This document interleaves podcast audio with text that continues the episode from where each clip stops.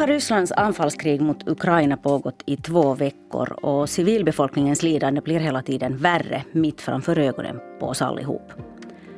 Ryssland bombar fler och fler civila mål och det hörs oroväckande uppgifter om att de humanitära korridorer där man försöker evakuera civila också har attackerats. Har momentum redan gått förlorat för att det här skulle vara ett snabbt krig? Och vad händer nu? Det här ska vi prata om i Nyhetspodden idag. Jag heter Jonna Nupponen och jag säger välkommen igen till Ilmari Käihkö, krigsvetare och universitetslektor vid Försvarshögskolan i Stockholm. Välkommen hit. Tack så mycket. Ilmari, vad är din bedömning av den ryska strategin hittills? Hur har den lyckats? Det har inte alls lyckats. Så när man började kriget så hade man någon slags antagande om att eh, man skulle möta väldigt begränsat, om något motstånd från den ukrainska sidan. Eh, och det som eh, hände redan, redan under första dagen var att eh, stora delar av ukrainska befolkningen började göra, göra motstånd. Ukrainska armén är också mycket bättre än, än Ryssland hade bedömt. Så man kanske hade en, en optimistiskt scenario att det gick att bara åka in till Kiev, byta regimen Zelensky och sen åka iväg. Och det skulle ha varit någon slags upprepning av det här Krimhalvö-scenariot från 2014. Mm. Men eh, Ryssland verkar ha helt missbedömt eh, det här politiska läget i Ukraina, hur det har ändrats under de senaste åtta åren efter Putin började kriget i Ukraina. Mm. Men att starta ett anfallskrig är att sätta ganska mycket på spel. Så Ryssland har ju väldigt mycket på spel här nu. Um, vad händer nu? Vad, vad blir Rysslands nästa steg? Eh, det som har hänt är att eh, rys, ryska militären den känner nog sig eh, viss frustration just nu. Och det är nog därför de har ökat attacker mot civila mål. Så i början var det begränsad våldsanvändning, men så småningom började vi se att det blev mer riktade attacker mot civil infrastruktur, mot sjukhus, mot kraftverk. Och det är nog det som vi kommer se även i framtiden. Den andra saken som har hänt är att nu har man eh, börjat omringa städer, såsom i Mariupol i sydöstra Ukraina. Och eh, det är möjligt att eh, Ryssland försöker göra Mariupol som ett exempel på vad som händer om inte ukrainare ger upp. Och det, det är uppgifter om massgravar i Mariupol, i den här omringade staden. Och den har varit omringad nu i över en vecka. Så att det, det, är väl helt fruktansvärda nyheter som vi kommer få därifrån inom den nära framtiden. Ja, alltså statuera exempel, på vilket vis menar du då att de utplånar hela staden då eller? Det är möjligt, men där har man också öppnat de här humanitära korridorerna. Så att eh, det, det, är väl möjligt att de försöker tvinga befolkningen att fly och sen kan man åka in militärt. Så, så att då, då riskerar Ryssland eh, färre civila förluster. Men samtidigt är det, det är viktigt att komma ihåg att man försöker också höja kostnaden eh, på den ukrainska sidan genom att rikta attacken mot civila mål och civilister. Men samtidigt, eh, man har egentligen två alternativ när man försöker attackera städer och ockupera städer. Det första är att man inte har dem militärt, men det är väldigt kostsamt. Och det, är något som vi måste komma ihåg att det här kriget det, det innebär risker även för Putin. Så att han vill nog begränsa förluster på ryska, ryska soldater. Mm. Vi vet att de, de ljuger troligen om, om hur många har dött i det här militäroperationen som inte ens får, får kallas för ett krig hittills. Eh, det andra är att man, man omringar städer och sen svälter ut motståndarna. Och det är väl det som man försöker göra, göra i Ukraina istället eftersom den politiska kostnaden för sig själv är mindre. Och samtidigt eh, Tyvärr är det väl så att eh, till exempel attacker mot, eh, mot sjukhus, de skapar rubriker, men att svälta ut civilister långsiktigt, det skapar mindre rubriker. Hur har ukrainarna lyckats själva då med att skydda sin civilbefolkning? Så igår pratade jag med, med tre av mina ukrainska bekanta som, eh, som håller på att strida mot Ryssland idag. Och samtliga var med i kriget 2014-2015. Det som alla av dem sa var att de har varit positivt överraskade på den ukrainska armén och hur, hur bra den har blivit under åren. Och nu måste jag betona att eh, de var väldigt kritiska mot armén 2014. Då fanns inte armén på riktigt i början av kriget när, när separatisterna började, började ockupera städer i östra Ukraina. Mm. Så de har varit väldigt imponerade av det. Sen ligger det väl i Ukrainas intresse att skydda, skydda sin egen civilbefolkning. Det har gjorts flera försök att upprätta humanitära korridorer de här senaste dagarna men det mesta har egentligen misslyckats. Eldupphör har inte hållit, civila har blivit beskjutna. Vad är egentligen en sån här humanitär korridor i ett krig? Ja, men det är väl eh, ett försök att få ut de civila från en utsatt plats. Och i det här fallet eh, har man eh, pratat om någon sorts lokalt vapenvila, begränsat vapenvila och under den vapenvilan får civilister använda en viss korridor, ett visst område för att fly området. Och det, det är väl det som, som vi har sett nu de senaste dagarna. Mm. Det som ju Ryssland då har mm, menat att de kan bara godkänna korridorer som leder till Ryssland eller Belarus. Hur ska man förstå det här? Varför vill man göra så? Ja, men eh, det, det, är helt cyniskt från rysk sida att man vill använda civilister som, som uh, spelpjäser helt enkelt. Det som jag har hört från mina ukrainska kontakter är att väldigt få, om några ukrainare har, har använt de här korridorerna. Så det, så det blir helt absurt att vi har ett fientlig stat som, som attackerar en och sen försöker locka civilister mm. till sin egen sida och då är faran att de, de blir någon slags gisslor där. Eh, man vill inte söka skydd från, från den eh, attackerande parten givetvis. Det, det är en helt absurd tanke. Mm. Förhandlingarna mellan Ukraina och Ryssland eh, på torsdagen de ledde absolut ingen vart.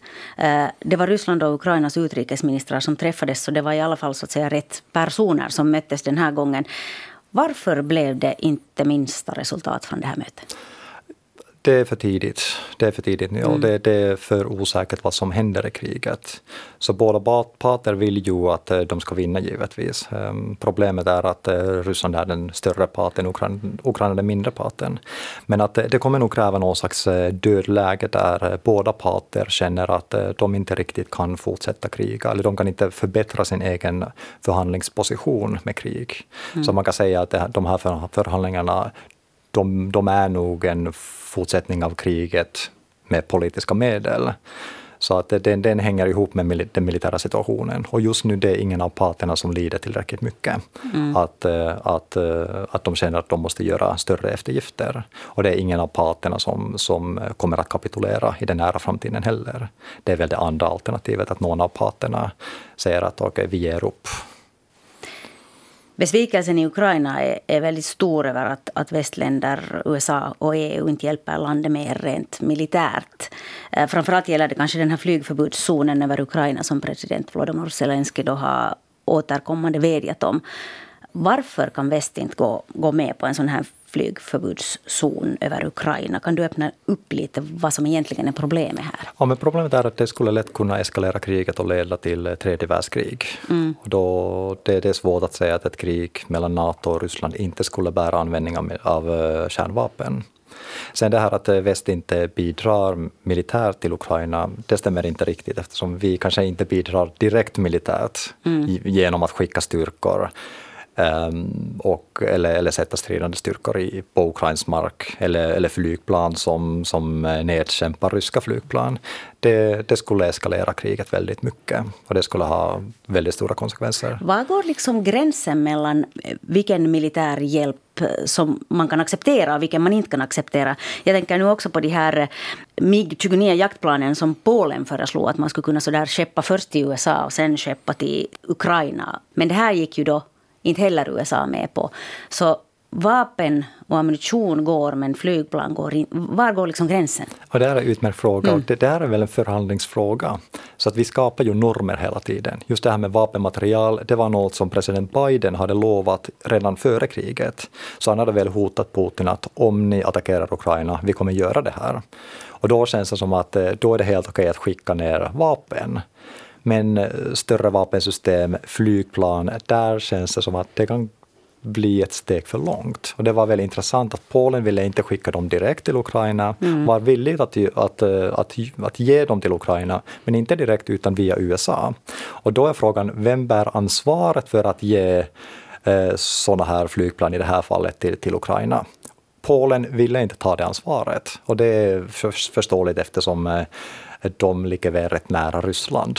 Men USA ville inte heller göra det här så de vill inte eskalera kriget heller. Så att eh, det är väl mycket som vi kan göra och det är väl inte uteslutet att det finns mer, mer hemligt stöd som pågår eh, men som vi bara inte vet om, till exempel i form av underrättelse. Men det är också bra att komma ihåg att vad Ryssland har gjort på de separatistkontrollerade områden sedan 2014, eh, redan då upptäckte de stridsvagnar och annan stridsmaterial i gruvor enligt ryska mm -hmm. mediekällor. Vilket är bara lögner så att de fick saker från Ryssland. Mm -hmm. Då är frågan, kan vi inte göra samma sak här? Men problemet är att det blir politiska konsekvenser och de politiska konsekvenserna kan bli militära konsekvenser eller andra konsekvenser. Och till exempel när vi diskuterade det här eh, vapen, eh, vapenmaterialen som vi skickat, det var, det är, var och är ett problem hur den materialen når de ukrainare som behöver materialen. Mm. Vi kan ta den till eh, den polska gränsen eller, eller Ukrainas gränser i andra länder, men sen är det väl ukrainare som måste ta det vidare. Komma och hämta det för att annars är man inblandad. Exakt. Så det är en evig balansgång på något sätt här nu som pågår? Det, det är det, men, men det beror på att vi vill inte ta allt för höga risker. Och eh, jag läste Stoltenbergs, eh, Natos generalsekreterares kommentarer när jag var på väg hit och han sa något, något att han vill, han vill undvika onödigt lidande. Och det är därför mm. eh, vi kan inte erbjuda saker. Men det, det låter väldigt konstigt eftersom det är väldigt mycket onödigt lidande i Ukraina som pågår just nu. Så att eh, jag, jag förstår fullständigt varför många ukrainare känner sig besvikna och arga på både Nato och Europeiska unionen. Mm. Och det onödiga lidandet kommer antagligen att bli ännu värre. Vad är din bedömning? Kan den ordinarie ukrainska armén stå emot i längden? Det återstår att se, men, men det som är intressant är precis att eh, vi, vi har underskattat den ukrainska militären från början. Den kan nog stå rätt länge beroende på hur det är med befolkningen. Om befolkningen inte ger upp så kommer det bli väldigt svårt för Ryssland att, eh, att, eh, att få någon avgörande seger i Ukraina överhuvudtaget. Sen kan vi också tänka på att det här kriget kan ändra karaktär och bli någon sorts gerillakrig. Men det, det här scenariot den är helt fruktansvärd. När vi tappar den här skillnaden mellan civilister och kombatanter, då kommer det innebära enormt mänskligt lidande. Ja, gerillakrig, när man jag tänker på det så tänker jag på något sätt på evighetslånga krig i några förfärliga djungler. Det är brutalt. Hela civilbefolkningen är inblandad. Det kan pågå i tiotals, tjugotals, trettiotals år. Är det liksom det som det finns risk för här nu? Om det är det värsta fallscenarion givetvis. Mm. Men sen det, det, det är också möjligt att eh, alla parter så småningom börjar känna att de kommer inte vinna det här kriget militärt från strategins perspektiv måste man ju kunna eh, vinna politiska segrar i slutändan. Och det är oklart hur Putin kommer att lyckas med det. Ukraina kommer nog överleva. Sedan finns det massivt arbete med att återuppbygga landet. Sen vet vi inte hur, hur mycket territorium Ukraina har i framtiden heller, så det är mycket som, som, eh, som vi inte vet i dagsläget. Men de, de har nog den beredskapen, de har den enigheten idag. Men hur det blir med Ryssland, eh, det, återstår att se. Och eh, om det här kriget blir väldigt långvarigt, så det kommer nog påverka Putins eh, ställning i Ryssland också. Så det kan ha väldigt stora konsekvenser även för Ryssland. Det är möjligt att de inte tål ett krig som pågår i flera år. Men samtidigt är det också möjligt att ukrainare inte tål det heller. Så nu känns det som att det, det, är en kamp mellan olika viljor. Där material visst spelar någon roll och det är därför vi måste fortsätta bistå Ukraina med det som vi kan. Tolkar jag dig rätt om, om det sen ändå landar vid det där förhandlingsbordet till sist? Jag tror att det, det blir något dödläge i, i, i slutändan och att eh, alla parter för, eller de, de börjar känna att de, de, de vinner inte militärt. Då blir det bara ökade kostnader att fortsätta. Och då vill man komma till förhandlingsbordet och, eh, och skapa någon slags avtal. Men hur, hur det ser ut, det vet jag inte. Det är mycket möjligt att det här eh, Ukrainas eh, status som ett neutralt land, det, det kan vara ett centralt eh, krav från Ryssland. Sedan Ryssland också kräver att Ukrainska, eh, Ukraina skulle avväpna sig, demilitariseras. Det tror jag inte Ukraina kan gå med på eftersom då skulle de inte kunna försvara sig mot, mot Ryssland i framtiden. Nästa problem för Ryssland är dock att hur hur gör Ukraina när de vill upprusta sig på nytt? De kommer mm. till NATO och EU och det är exakt det som Putin ville undvika. Så att eh, jag ser ingen bra väg ut för Putin i det här kriget. Och det är därför jag och många andra, andra som har följt situationen i Ukraina inte trodde att det här kriget skulle ske. Men här är vi idag. Tyvärr, men det låter ändå bättre att eh, ett krig tar slut vid ett förhandlingsbord än på slagfältet. Absolut. Och, och, som sagt, alla, alla krig tar slut någon gång. Mm. Tack så mycket Ilmari Käihkö för att du kom hit till Nyhetspodden igen. Mitt namn är Jonna Nupponen. Du har alltså lyssnat på Nyhetspodden från svenska YLE. Producent är Ami Lassila. Tekniken sköttes av Max Kivivuori idag. Fortsätt lyssna på oss.